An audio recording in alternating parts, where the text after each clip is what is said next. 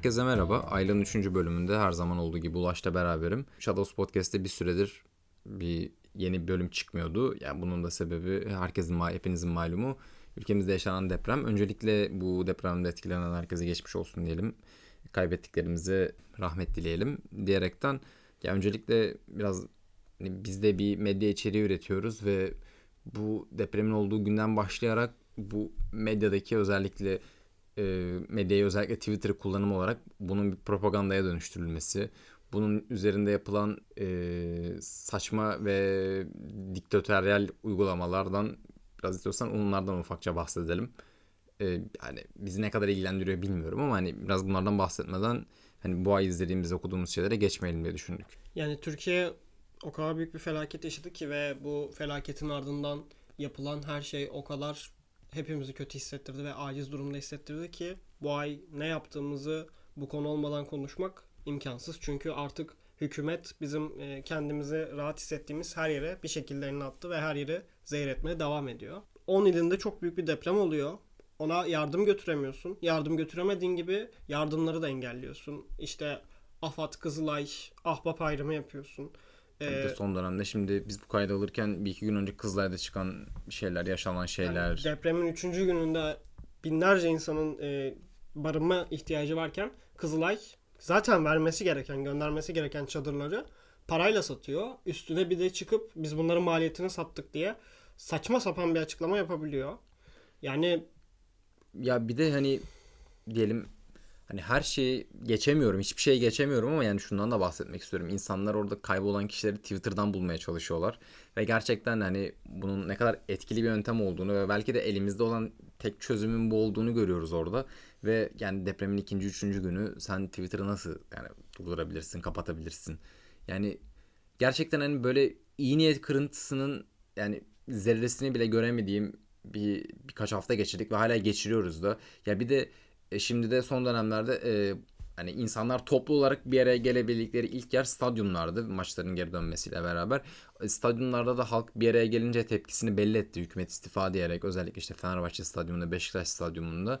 E ne oldu şimdi? Onları da zaten şu an Türkiye Süper Ligi'nde buraya niye girdim bilmiyorum ama yani başkanların yarısı AKP'nin AKP. bağının olduğu kişiler ve gerçekten hani bunların AKP döneminden önce hiçbir başarısı olmayan kulüplerin nerelere geldiğini gördük. Ne hangi paralarla. E, onlara işte bir üstten gelme bir metni imzalatıp buna bunun işine de özellikle hani işin rezil kısmı işte Galatasaray, Fenerbahçe, Beşiktaş gibi gerçekten hani taraftarının stadyumda böyle bir şeye tepkiyi dile getirebildiği ve gerçekten anayasal olarak en büyük haklarını hükümeti eleştirmek tabii ki bir anayasal bir hak yani bunu uyguladıkları yerde siz hani hangi cüretle bunu böyle bir şey yapabiliyorsunuz diyerek hani biraz şey odağa kaydırmak istemiyorum ama yani burada gerçekten hani herkesin ne kadar hani bu şey pisliğe elinin bulaştığını görebiliyoruz ya. Yani zaten 20 yıldır süre gelen bir organize bir kötülükle karşı karşıyayız ve aslında depremleri bu yaşadıklarımızın sorumlusu. E, bu binaları düzgün yapmayan, denetlemeyen hükümet ve onun rant sağladığı müteahhitler. Hani herkes biliyor inşaatla şu anki hükümet arasındaki bağlantıyı inşaat sektörüyle.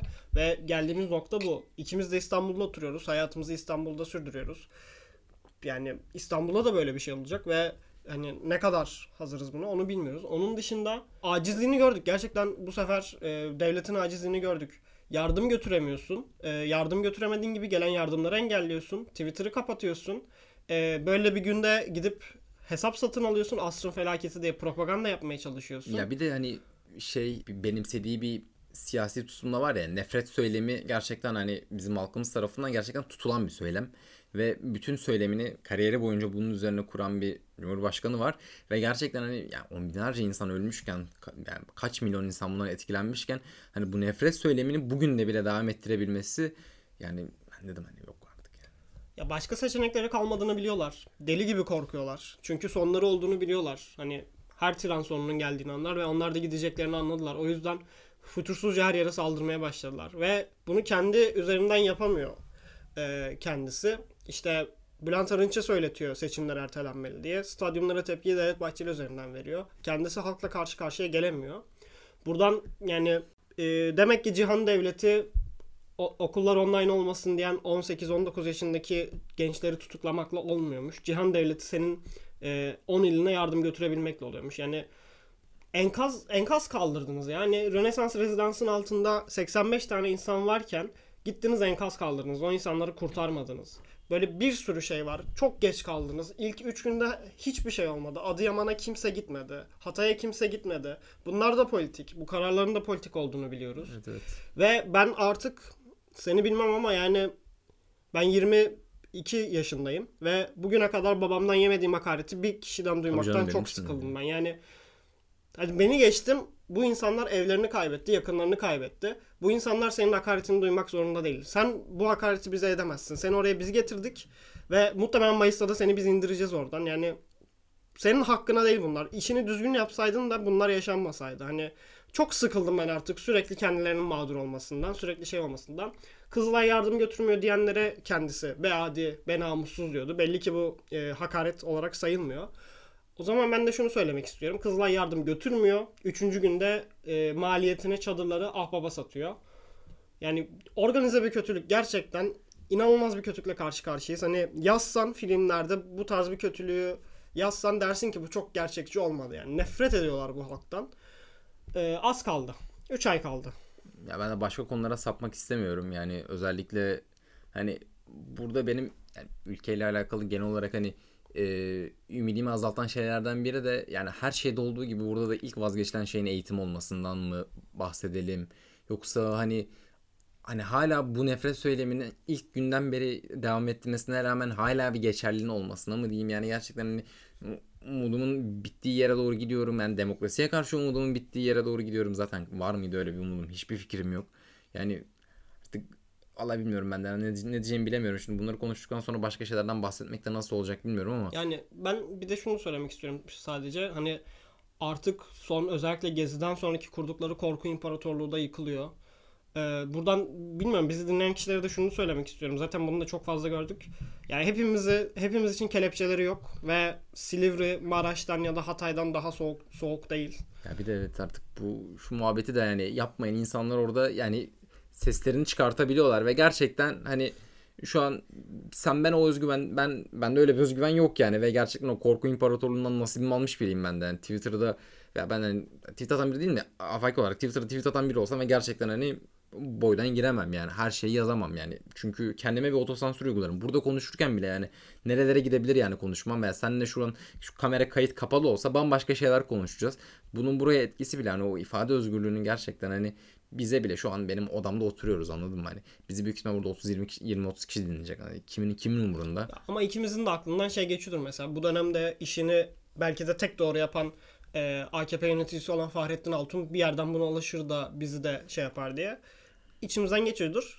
Çünkü devletin gücü Ya- ne yazık ki bir tek bize yetiyor. Bir de yani işin komiği buna ulaşan Fahrettin Altun da değil. Yani onun örgütlediği troller ya. Hani sizin zaten- nasıl bir çıkanınız var ya gerçekten. Hani jurnalcilik özellikle EGM sosyal medyanın daha da şey yapmasıyla birlikte inanılmaz bir hale geldi. Yani mesela İspanyol kurtarma ekibi diyor ki AFAD bize çadır vermedi. Hani zor koşullarda çalıştık. Altına e, hani çıldırırsın ya EGM'yi etiketliyor birisi. Yani bu halkın halkı şey yapmak istemiyorum ama hani belli bir kısmın jurnalciliğini çok sıkıldım artık ben. Her şey EGM'nin etiketlenmesinden. Yani insanlar özgür bir şekilde düşünebilir ve düşüncelerini belirtebilir. Hani 2023 yılında bunu açıklamak zorunda olmamızdan hicap duyuyorum gerçekten. Ya bir de hani sorsan geçen bir anket gördüm. Yani biraz konu değişecek ama yani bütün Avrupa'da anket yapılıyor ya yani böyle Avrupa haritası çıkıp hani başka bir ülkeye gitme şansın olsa nereye giderdin diye. Bütün Avrupa kendi Avrupa içinde genellikle İsviçre'yi ve işte Almanya'yı falan seçiyorlar. Bizim ülke kocaman Amerika bayrağı. Yani sen o Amerika bayrağına neden gitmek istiyorsun? Amerika'ya karşı gerçekten hani özellikle bu Irak Savaşı'ndan sonra deli gibi ülkede Amerikan karşıtı topluluk var. Ama gene Amerika'ya gitmek istemenin tek sebebi senin oradaki özgürlüğe ulaşabilmek. Yani Amerika Amerika yapan şey ifade özgürlüğü. Amerika demokrasi mi var? Amerika, Amerika mu- iyi bir ülke mi sence? Adamlar her yerde savaş çıkartıyorlar hala yani şu an aptal aptal heriflerin yönettiği gerçekten Biden gibi bir kuklanın bile başkan yapı, yapılabildiği bir ülke yani. Ama sen neden oraya gitmek istiyorsun? O özgürlüklerden o kadar mahrumsun ki ve gerçekten bir şeyin nasıl olması gerektiğini biliyorsun ama onu ülkende yapamayacak kadar o kadar korkaksın ki. Bir de buradan yani şeyden bahsetmişken işte e, sosyal medyadan yani biz medya çalışıyoruz hani ikimiz de ve onun üstüne program yapıyoruz. Burada şeyden de bahsetmek lazım. Bazı akademisyenlerin bunun üzerinden rant sağlaması da midemi bulandırdı. Mesela Ahmet Aygün sanırım. Kitap yazıyormuş depremle ilgili.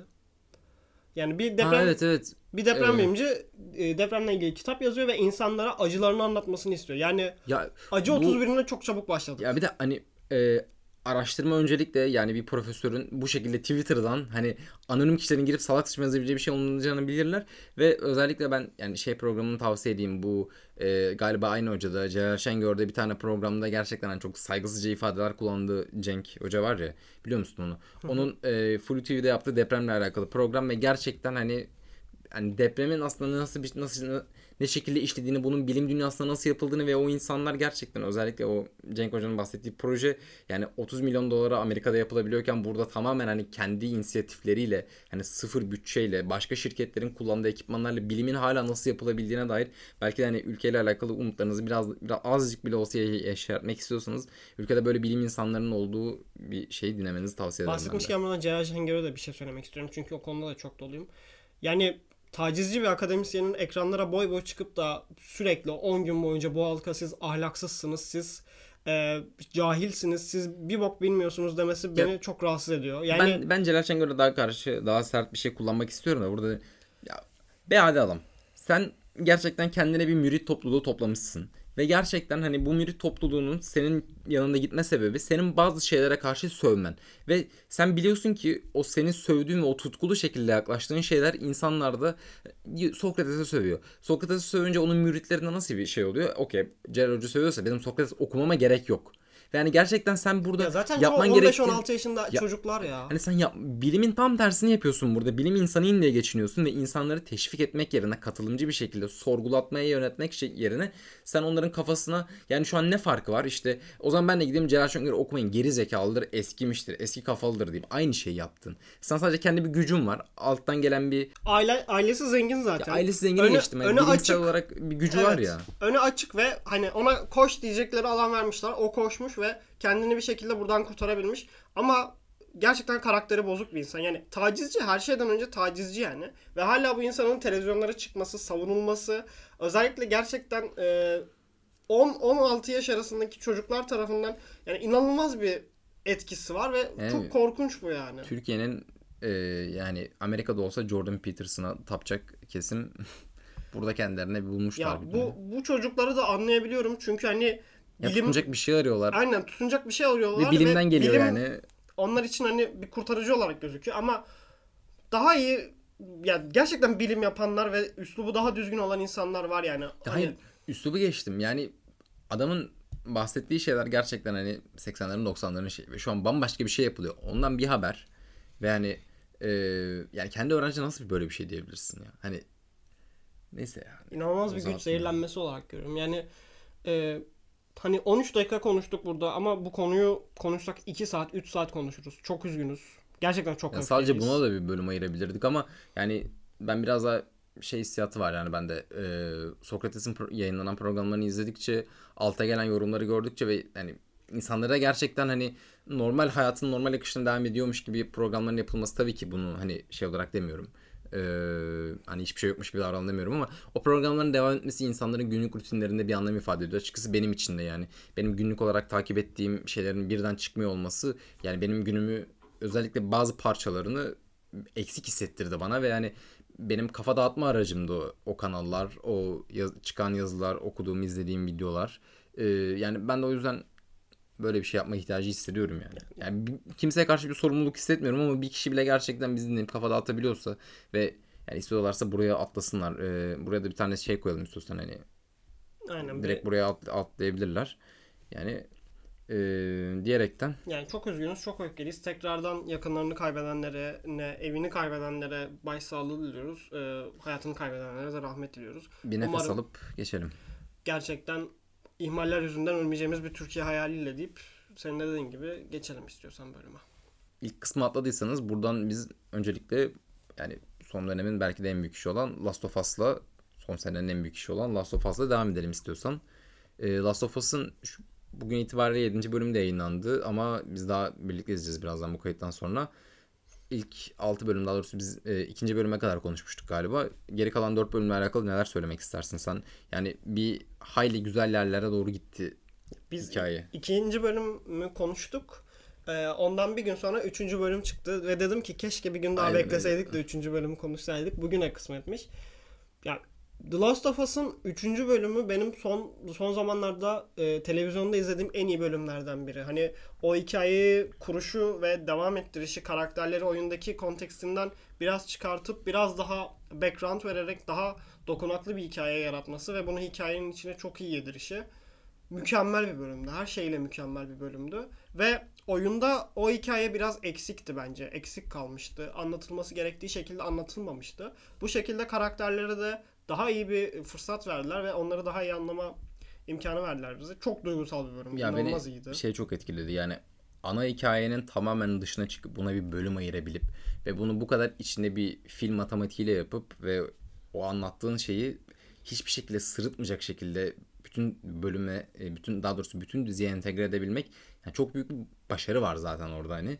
E, ve senin de dediğin gibi yani en duygusal bölümü falandı e, Last of Us'ın ve gerçekten hani tamamen hani bir şey gibi değil yani Last of Us bölümü gibi değildi. Orada bambaşka bir e, romance filmi izliyorduk yani gerçekten çok romantik üzücü bir dram filmi gibiydi orası ve beni bayağı etkiledi, etkiledi o bölüm. Şu an bile benim konuşurken tüylerim diken Aynen. diken oldu. Diğer bölümlerde ne oldu peki? Ee, şey, Genel olarak yani son bölümlerde benim dikkat ettiğim şey çok fazla western e, estetiğine kaymaları ve bu western estetiği ya benim çok hoşuma gidiyor. Ve özellikle bunu Last of Us gibi kıyamet sonrası bir dünyada görmek zaten biraz da kıyamet sonrası dünyaların da temel aldığı şey bana her zaman westernmiş gibi gelir. O kocaman bir boşlukta takılan birkaç karakter. iktidarsızlık hali. Evet evet. Yani ya mesela e, son bölümdeki 6. bölümdeki o komün yerinden çıkıp başka yere doğru gittikleri bir kısım var ya bir 5-10 dakikalık bir sekans orada. Hı hı. Bir spoiler vermek istemiyorum ama hani orada tamamen yani çekilme olarak da yani Sergio Leone'nin kullandığı planları falan görebiliyoruz orada veya ne bileyim ters ışıklı atın üstünde gittikleri sahneler ve onların işte e, o başıboş nereye gittiğini bilmeden yani bir amaç var ama amacın ne olduğunu bazen unutuyorsun. Sadece bir şeyler yaşıyorlar yani tamamen o western anlatısını onları uydurup ve hani bir yerden bir yere doğru sekmeleri. Yani burada bu olmuş bak o zaman buraya gitmeliyiz gibisinden böyle sanki bir kiralık katil gibi davranmaları. Ve bence şey de çok güzel kuruyor e, dizi. Hani Joel'la Ellie'nin yani Joel Ellie'yi bir kargo olarak görüyordu ilk başta ama daha sonra yavaş yavaş son 6. bölümde yaşanan bir climax'ten sonra Ellie ile Joel'un oyunda da çok meşhurdur işte. Ben senin kızın değilim sahnesinden sonraki o kargo olarak görmekten geçip gerçekten kızı olarak görmeye başladığı Aynen, sahneden itibaren o ilişkiyi çok çok çok güzel kurmuşlar. Onun dışında şey bölümü çok üzücüydü. Küçük çocuğun e, Isırıldı değil mi? ısırıldığı bölüm ve Ellie'nin onu kurtarmaya çalışması daha sonra yalnız kalmaktan korkuyorum e, yazması. Yani her şeyle gerçekten her izlediğimde beni çok duygulandıran bir iş oluyor ve bu dönemde böyle bir iş izleyebildiğimiz için şanslı hissediyorum kendimi. İlk bölüm e, geçen sene geçen ayki bölümde de dedim, bu bölümde de diyeceğim. İyi ki bu işi HBO yapıyor. Evet evet E, kesinlikle. o, o yapmasaydı bu kadar iyi olacağını düşünmüyorum. Ya ben de başka bir HBO işi e, 26 Mart'ta da son sezon çıkacak olan Succession'dan bahsedeyim. Yani onu arka arkaya bir delilik şeklinde izledik biz de Sinay'la. Ve yani gerçekten sanırım e, Last of Us hani son senenin en iyi işi olabilir ama son dönemlerin ve en büyük iş sanırım Succession. Gerçekten hani Modern zaman Game of Thrones'u diyebilir miyiz? Evet evet. Gerçekten öyle yani. Bence Game of Thrones'tan bin kat daha iyi. Ve yani işin ucunda yani büyük ihtimal dizi izleyen kitlenin hiçbir şekilde hayal bile edemeyeceği olaylar var. Ve tamamen bir aile draması, tamamen bir nepotizm üzerine kurulan bir hikaye. Ama seni öyle bir izletiyor ki o yönetmenliği, karakterlerin yazılımı, diyaloglar, e, dizinin dinamiği, onların o yolculuğu. Yani gerçekten konu olarak kimsenin umurunda değil yani. Anladın mı? Ne yapayım ben babasının şirketini almış da şey yani Türk dizilerinde var ya show'da falan yayınlanan işte babamın şirketi kime verecek bana mı verecek kardeşime gelecek. Hani bunu yani salak bir entrika yapmış. Zaten şey e, Shakespeare uyarlaması gibi diyorlar ya işte. E, yani bunu gerçekten bu kadar dinamik bir şekilde ve ben yönetmenliğine hayranım. E, çok garip bir estetiği var dizinin. E, garip bir kamera kullanışı var. E, onları geçişleri çok dinamik yapıyor bu geçişler. Ve filmin daha doğrusu pardon dizinin e, izlenebilirliğini, akışını ve karakterlere tutunmamızı da çok daha iyi sağlıyor. Özellikle yani ilk sezon biraz daha Kendall üzerinden, ikinci sezon işte Kendall karakterini oynayan, e, ikinci sezon Shibon karakteri üzerinden, üçüncü sezon biraz daha ortak bir şekilde e, diğer kardeşlerle beraber görüyoruz ama yani hepsi gerçekten hani birbirinden apayrı şekilde yazılmış dört tane ana karakter var ve onların yanında kalan e, 3 diğer 3 mi demek lazım 3-4 karakter de hiçbir şekilde sırıtmıyorlar. Yani şey onların hayatına girsek de bambaşka bir dizi izleyebilecekmişiz havası veriyorlar Zaten bize. bence dizileri ve filmleri iyi yapan şeyler ya- yan karakterlerin ne kadar iyi Ya oluşturduğudur. Paul Thomas Anderson o yüzden iyi. Aynen çünkü hani ana karakteri bir şekilde ilerletirsin. Onun hikayesi şeydir ama yan karakterlerin hikayeye kattığı ve kendi e, karakterlerinin olması hani iki boyutlu olmamaları bir diziyi ve filmi en iyi yapan şey bence. Ben izlemedim Succession'ı ama senin anlattıklarına göre onu da çok iyi bir şekilde başarmışlar. Fazla iyiler fazla iyiler. Ya Finalle gerçekten hani yapmasına başlamadım halde üzüldüm yani. yani ders gibi. Gerçekten hani senaryo yazımı, onun mizanseni falan gerçekten ders gibi. Yani direkt hani sinema e, dizi sektörünü bir araya getirirsek gerçekten son dönemlerde çıkmış en iyi iş falan. E, bir de ben şey izledik. E, Severance'ı izledik. Severance'dan da bir kısaca bahsedeyim. Onu ikinci sezonu falan çıkışı burada daha da fazla konuşuruz gibime geliyor.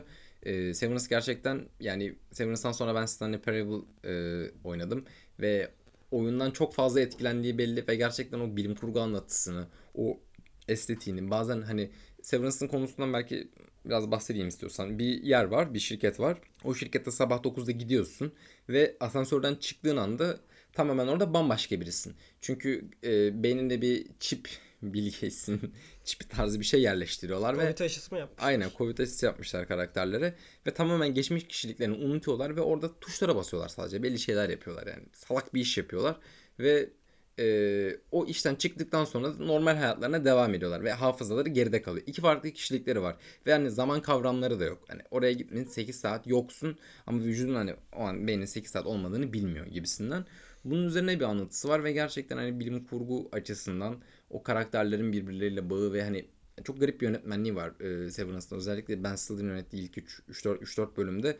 Yani çok garip bir estetiği var. O alanı kullanımı, alanın açısından hani bazı karakterleri kocaman bir alana beraber olmalarına rağmen soyutlayabilme becerisi, masanın dizaynı, o 4 kişilik bir masa var ama e, her shotta iki kişiyi görüyorsun ama diğer iki kişi hiç yokmuş gibi çekiliyor falan böyle gerçekten çok maharetli bir şekilde tasarlanmış bir dizi. Çok acayip sürüklüyor ve yani izleyenlere e, dehşetle hani, acayip şekilde tavsiye ediyorum Stanley Parable oynamalarını. Yani ne kadar benzediğinin kafasını görebilirler ve Steam'de galiba 18 lira. Yani şey oldum yani bu oyunu alırken ulan dedim sinemaya gitsem 100 lira vereceğim 18 liraya oyun aldım kafama göre oynuyorum istediğim kadar. Demişken buradan istiyorsan sinemaya geçelim. Yani Ben ben sinemaya küsüm arkadaşlar. Buradan- gerçekten ikimizin de sinemaya küstüğü bir döneme denk geldik ya. Hani bu bir dönemsel bir şey mi ben yoksa yani mi geçen konuştuk ama ya ben ne zaman sinemaya gitmişim en son hatırlamıyorum bile. Aralığın bilmem kaçında gitmişim. Film izlemek artık beni heyecanlandırmıyor. Yani yani Ya beni yine heyecanlandıracak yeni filmler de çıkmıyor. Hadi bir Infinitible'a bakayım dedim. İstiyorsan oraya geçelim. Sen biraz ona konuş. geçeceğim. Ya Infinity Pool e, Ya babasının ayrına bir bakayım dedim de yani. Keşke Brandon Cronenberg biraz baba Nep, Nipo Baby olduğu için Nepo Aynen, Baby. Babasının ad- soyadını taşıyarak bir film yapmış. Ama çok da olmamış gibi ya. Yani Mia Goth'un oynadığı geçen seneki X ve Pearl de biraz böyleydi. Ben artık son dönemdeki korku filmleri şey gibi oluyor yani. Invincible'ın başlangıcı çok iyi bu arada. İlk, Başlangıcı evet 30-40 ilk- dakikası aynen, çok aynen, iyi. Aynen. Ama ondan sonra İlgi çekici bir konusu var. Evet ondan sonra günümüz korku filmlerinde hep şöyle bir olgu var. Yani korkuyu yapmışken, o gerilimi vermişken iyice abartıyorlar. iyice abartıyorlar ve bir yerden sonra o korkudan korkmamaya, gerilmemeye başlıyorsun ve senin için hani basit bir e, blood show haline dönüyor. Yani Ya dediğime ne kadar katılırsın bilmiyorum ama gerçekten beni etkileyen eski korku filmleri ve gerçekten hani e, game changer korku filmlerinin süreleri de biraz hani daha kısadır. Yani benim gördüğüm genelde bir buçuk saat maksimum iki saatlik bir şekilde hikayeyi paketlerler yani. E, evet, süresini de Yani hissettiriyor korku biraz. filmi süre süre belki de korku filminin en kritik şeylerden biri. Yani daha doğrusu bazı sahneleri yani ne kadar korkutacaksın? Onu ne kadar korkutmaya devam edebileceksin? Mesela iki buçuk saatlik korku filmde nasıl yani iki buçuk saat kimi oturacaksın korkutmak için oraya? Yani elinde zaten kısıtlı bir dikkati dağılmış bir seyirci var zaten. Sen onu hani bir korkuttun, iki korkuttun. E iki buçuk saat hadi be artık falan olacak yani. Özellikle evde izliyorsa bu filmi. Bu film de biraz kendi vaat ettiği şeyin altında kalıyor. Yani daha da korkutayım, daha da korkutayım derken filmi basit bir aksiyon filmine dönüştürüyor bence. Ya basit aksiyon filmi diyorum çünkü aksiyon da ilgi çekici değil. Yani çok çok iyi. Ve e, çok iyi bir pilotu bence mahvetmiş. Ama buradan yine de Miyagot'a selam olsun. E, ya o ses tonuyla iş zor. E sen e, The Whale'dan bahset istiyorsan. Aronofsky yani 90'ların Nolan'la beraber ben- 2000'lerin başında en böyle abi kimler geliyor ya Yöne, yönet, yönetmenlerinden biri olan Aronofsky'nin Aronofsky bitmiş. bitmiş mi? Yani The Whale çok kötü. Hani Moby Dick e, bal- filmin adı Balina zaten ve e, aşırı şişman bir adamın Brandon Fraser'ın oynadığı değil Brandon mi? Fraser çok severim bu arada. Mükemmel oynamış. Ona hiçbir lafım yok. Oscar'ı aldı bence. Ee, her neyse hani aşırı şişman bir adamın oynadığı ve kızıyla tekrar bağlantı kurmasını anlatıyor. Bir hafta üzerinde anlatıyor bunu adamın bir haftasını. Ama e, Moby Dick'le adam arasındaki bağlantıyı bu kadar gözümüze, gözümüze sokmadan da sanki bu filmi yapabilirmiş Aronofsky. Yani Aronofsky'nin bir o şey vardır ya e, Mother'da da vardı bu. Yani Ya ben çok bir takıyor, çok aynen ben şey. bir metafor veriyorsam bunu kafana vura vura anlatacağım Ya, sana. The Fountain da öyle. Evet. Yani kır başlıyor. Bırak Yeter, ben, yeter ben ya. anlayayım. Bırak ben anlayayım. The Fountain da beni o kadar şey yapmamıştı. Hani ilk izlediklerinden olduğu için Beni ama vuruyor vuruyor The Fountain'a vuruyor beni. izley izlemeye devam ettikçe yani özellikle sonu inanılmaz şeydi. Ben izlemedim bilerek. Ee, bildim. emekli. Emekli ol. Yani gerek Ya yok. kim emekli olmasın ki zaten yani elimizde iki avuç insan kaldı. İnşallah ilk Claire Denis'i emekli edeceğiz. Ondan Yok. sonra Aronofsky. Ee, demişken orada ben şeye gireyim. Empire of Lies izledim. O ne abi ben Empire of Light Kimse bilmiyor bu filmi. Sam Mendes çekti. Bir sinema etrafında e, gelişen bir aşk hikayesi. Sam Mendes başta neler çekmişti? 1917'yi çekti. Ha doğru. Dedim izleyeyim belki güzeldir. Hani sinema, sinemaya bir aşk mektubu, zart surt. Çok kötü film. Yani aşk çok kötü. Sinema anlatısı çok kötü. Ee, karakterler çok kötü. Hani ne var bu filmde? Sam Mendes nasıl O çekmiş bunu? O yok bu yok yani. Ee, Olivia Colman bile kurtaramamış. Empire of O Light çok kötüydü. Yani o- inanılmaz kötü bir film. Ee, acı çekerek izledim. Tabii efendim. Bizden bu kadar sinema. Ee, o zaman kitaplara geçelim. Ha Yani- bir de dur. Heh, Geçmeden Arthur Aripstein konuşacağım. Beş, bir, bir dakika Arthur Aripstein konuşacağım. Buyurun. Meksikalı bir yönetmen kendisi. Ee, Lantimos Dogtooth'u çalmış Ripstein'dan. Castle of Purity adlı çok güzel bir filmden çalmış. Ripstein'in sinemasını e, bayağı sevdim ve biraz o metaforik şeyi olmasa bile hani postmodern yapısı olmasa bile Hodorowski'nin sinema diline biraz benzettim Orta Amerika, Güney Amerika bağlantısından dolayı. Filmleri çok boğucu ama içinde bir güzellik buluyorsun ve seni sürüklüyor. Ee, öneririm bir keşif olarak. Mubi'de 4-5 filmi var. Ya ben bu ay e, tam da yani çok kötü bir ay geçti yani herkes için ama hazır yani evdeydim ben de full yapacak hiçbir şeyim de yoktu. Yani özellikle yani diziye ve kitaplara vurdum ve şey lafı var ya Balzac mı demişti hatırlamıyorum yani. Yok Balzac değildi. Önemli değil. E, 15 dakika kitap okumanın e, gelişti yani tedavi edemeyeceği bir can sıkıntısı yoktur gibisinden bir laf vardı ve ben de bunu çocukken duyup çok etkilenmiştim. Ve o günden beri ne zaman hani ben kitaplara size de bahsetmişimdir yani arka, arkadaş ortamında hep böyle bir terapi gibi de yaklaşıyorum okuduğum kitaplara ve o dönemki yaptığım şeylere. Ve hazırda boşum bir dönemde okuyamıyordum o yüzden bir giriştim diyeyim elde olan şeylere.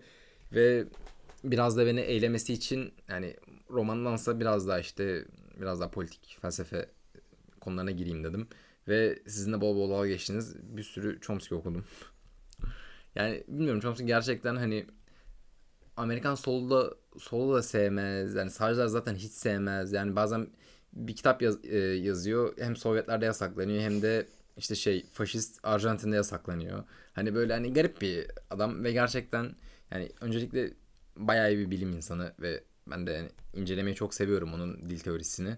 Ee, onun dışında yani görüş olarak gerçekten hani katıl katılma baktığın şeyden gerçekten hani farklı bir hani karşı görüş görüş karşı görüş vardır ya tez antitez. Yani ona tamamen bambaşka bir yerden bakabildiğini görebiliyorsun onun ve hala ya ben mesela hala çıktığı videoları izliyorum. Adam 1927 doğumlu ama ben e, Rusya Ukrayna, Ukrayna savaşını işte ya bir senedir takip ediyoruz hepimiz. Ama yani son bir aydır Chomsky ne demiş bunlara diye son son dönem dönemlerde okumaya başladığım için bir baktım ve gerçekten hani yani hiçbir yerde görmediğim bambaşka şeyler anlatıyor ve gerçekten hani bunun medya yansımasından işte un, Unprovoked War'ın esasen hani nasıl Amerika'nın provoke ettiğini falan filan bahsediyor böyle Rusya Rusya Ukrayna sınırına bir sürü silah dizerek falan filan. İşte bunlardan bahsediyor.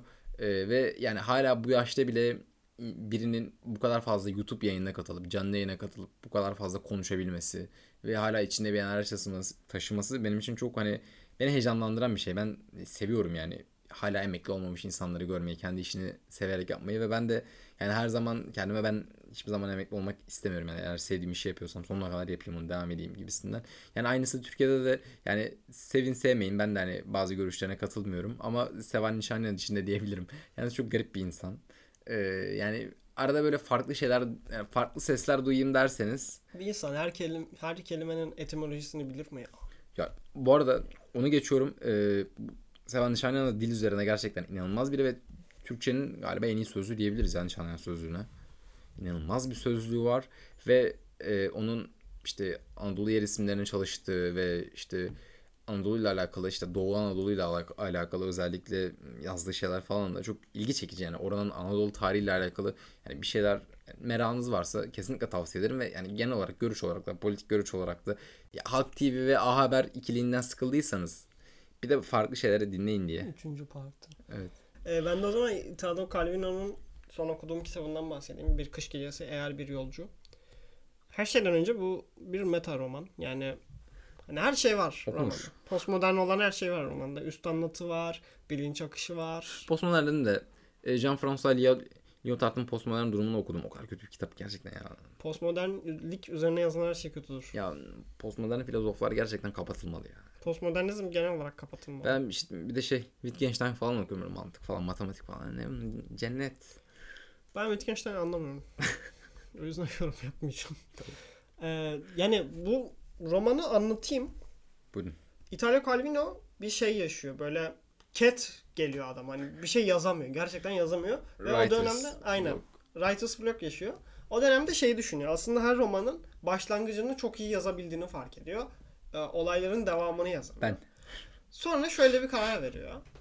Ee, bu romanda 10 tane roman başlangıcı var. Aralara da şöyle bir hikaye serpiştiriyor. Erkek okur var, kadın okur var. Erkek okur gidiyor. E, Italo Calvino'nun şeyini alıyor. Bir kış gecesi eğer bir yolcu kitabını alıyor. E, kitabın adı da bu arada. Yani meta. Anladın, bildin. Tabii tabii. Sonra açıyor, okuyor. Kitabın arasına başka sayfaların karıştığını fark ediyor. Yayıncıya gidiyor. Diyor ki bu kitap böyle böyle karışmış diyor. Yayıncı diyor ki ha ona karışan kitap bu. Ben size bunu vereyim diyor. Bambaşka bir kitap veriyor. Onu okuyor. Ha içinde karakter değil mi? Aynen. Ondan sonra işte orada bir kadın, kadın okurla tanışıyor. Ondan hoşlanıyor. Diyor ki işte numaramızı değiştirelim konuşuruz falan. Sonra bir şeyler oluyor. Kitap bambaşka bir yere gidiyor. Kaybediyor. Gidiyor başkasını alıyor. Böyle gidiyor gidiyor. En son şeye gidiyor böyle. Farklı lehçelerde yazılmış kitaplar var. Onlara gidiyor işte. Bir tane üniversiteye gidiyor. Oradaki e, şeyi görüyorsun böyle. iki lehçe arasındaki kavgayı falan görüyorsun yani akademisyenler bazında. En son bunu ajan yapıyorlar. Şeye gönderiyorlar. Orta Amerika'da bir ülkeye gönderiyorlar. Hayali bir ülkeye gönderiyorlar. Orada bunu Kesin Amerika bir yerleri karıştırmıştır. Aynen. Orada bunu tutukluyorlar. Tutukla, tutuklayınca bir kitap okuyor orada. Sonra Japon kitabı okuyor. Bir, bir yerlere gidiyor falan. En son kadınla sevgili oluyorlar. Bir tane çevirmen var. Çevirmen her şeyi karıştırmış. Kadının aşkını şey yapabilmek için. Lost in Translation diyoruz. Aynen. Tüm kitapları yanlış çevirmiş eleman. Falan yani akıl hastalığı. Gerçekten okurken sinir oldum kitabı. 10 tane roman başlangıcı okudum. Aradaki hikayeleri okudum falan. Ben sevdim ya ben yani. ya ben şeyi seviyorum yani o e, romanda biçim değiştirme çabalarını seviyorum yani. Anneanne'nin seneleri yaklaşım hani kendi hikayesi üzerine aralara işte böyle yaparak hani o parçalaması hani De Gaulle'ün öleceğini hiçbir zaman bilmiyorduk ve o dönem işte bir kadın öğretmen olarak bu da böyle şeyler yaşıyordu gibisinden şeylerden bahsetmesi benim çok hoşuma gitmişti ve o tarz biçim değiştirme şeylerini seviyorum. Yani Ona da bakacağım Writer's bu ay bakarım. insana neler yaptırıyor. Ben biraz kitabı şeyine benzettim. George Perek'in e, kayboluşuna da benzettim. Hani postmodernizm olarak ona da benziyor. Okuyacağınız en ilginç kitaplardan biri olur bence. Kesinlikle öneririm. E, asla keyifli bir okuma sunmuyor ama o şeyleri çözmeye çalışırken bulmacaları keyif alıyorsun. Bir de şey diye, diyecektim. Bu 10 romanda şey 10 tane roman kuramı var. Şu an adlarını hatırlamıyorum. Kitabın başında belirtiliyor. Ben de hiç bilmiyorum. O roman e, kuramlarına göre yazılıyor. Ve bayağı iyi yani. E, hani incelemek olarak, edebiyat şeyi olarak, incelemesi olarak çok işe yarar bir kitap bence. Bakayım bakayım bayağı hoşuma gitti. İlgisi olanlara. Özellikle Tarık bizi dinliyorsa buradan ona kesinlikle öneririm. Belki okumuştur ama bence sen de çok seversin. Valla bu kadar ya ben başka kitaplardan bahsedip sıkmayayım insanları. Yani zaten Salak saçma sıkıcı şeyler okumuştuk zaten ya. çok konuşacak da mecalimiz yok. Ya yok yok benim yani heves de yok şey de yok hani biraz da hani ne bileyim kendime de teşvik olsun diye istiyorum podcast'e devam etsin. Yani çok bencilce bir yerden ama. Ee, kapatırken şey demek istiyorum. İstifa onurlu bir harekettir. Ee, bir şey yapamıyorsan istifa Aynen et- öyle. etmelisin, etmek zorundasın. Ee, umarım hani ileride bir şeyi yanlış yapanların ya da yapamayanların istifa ettiği bir gelecekte yaşarız. Ya bir de hani sadece devlet kademesinde değil herhangi bir yerde istifa önemli bir şeydir arkadaşlar. Yani bir şey yapamıyorsanız ve yani bir şey yanlış yapıyorsanız ve insanların hayatına mal olacak şeyler yapıyorsanız bir yerde bir şapka öne koyup düşünmek lazım diyelim. Ee, Hoşça kalın. Mümkünse hoşça kalın. Önümüzdeki ay görüşmek üzere.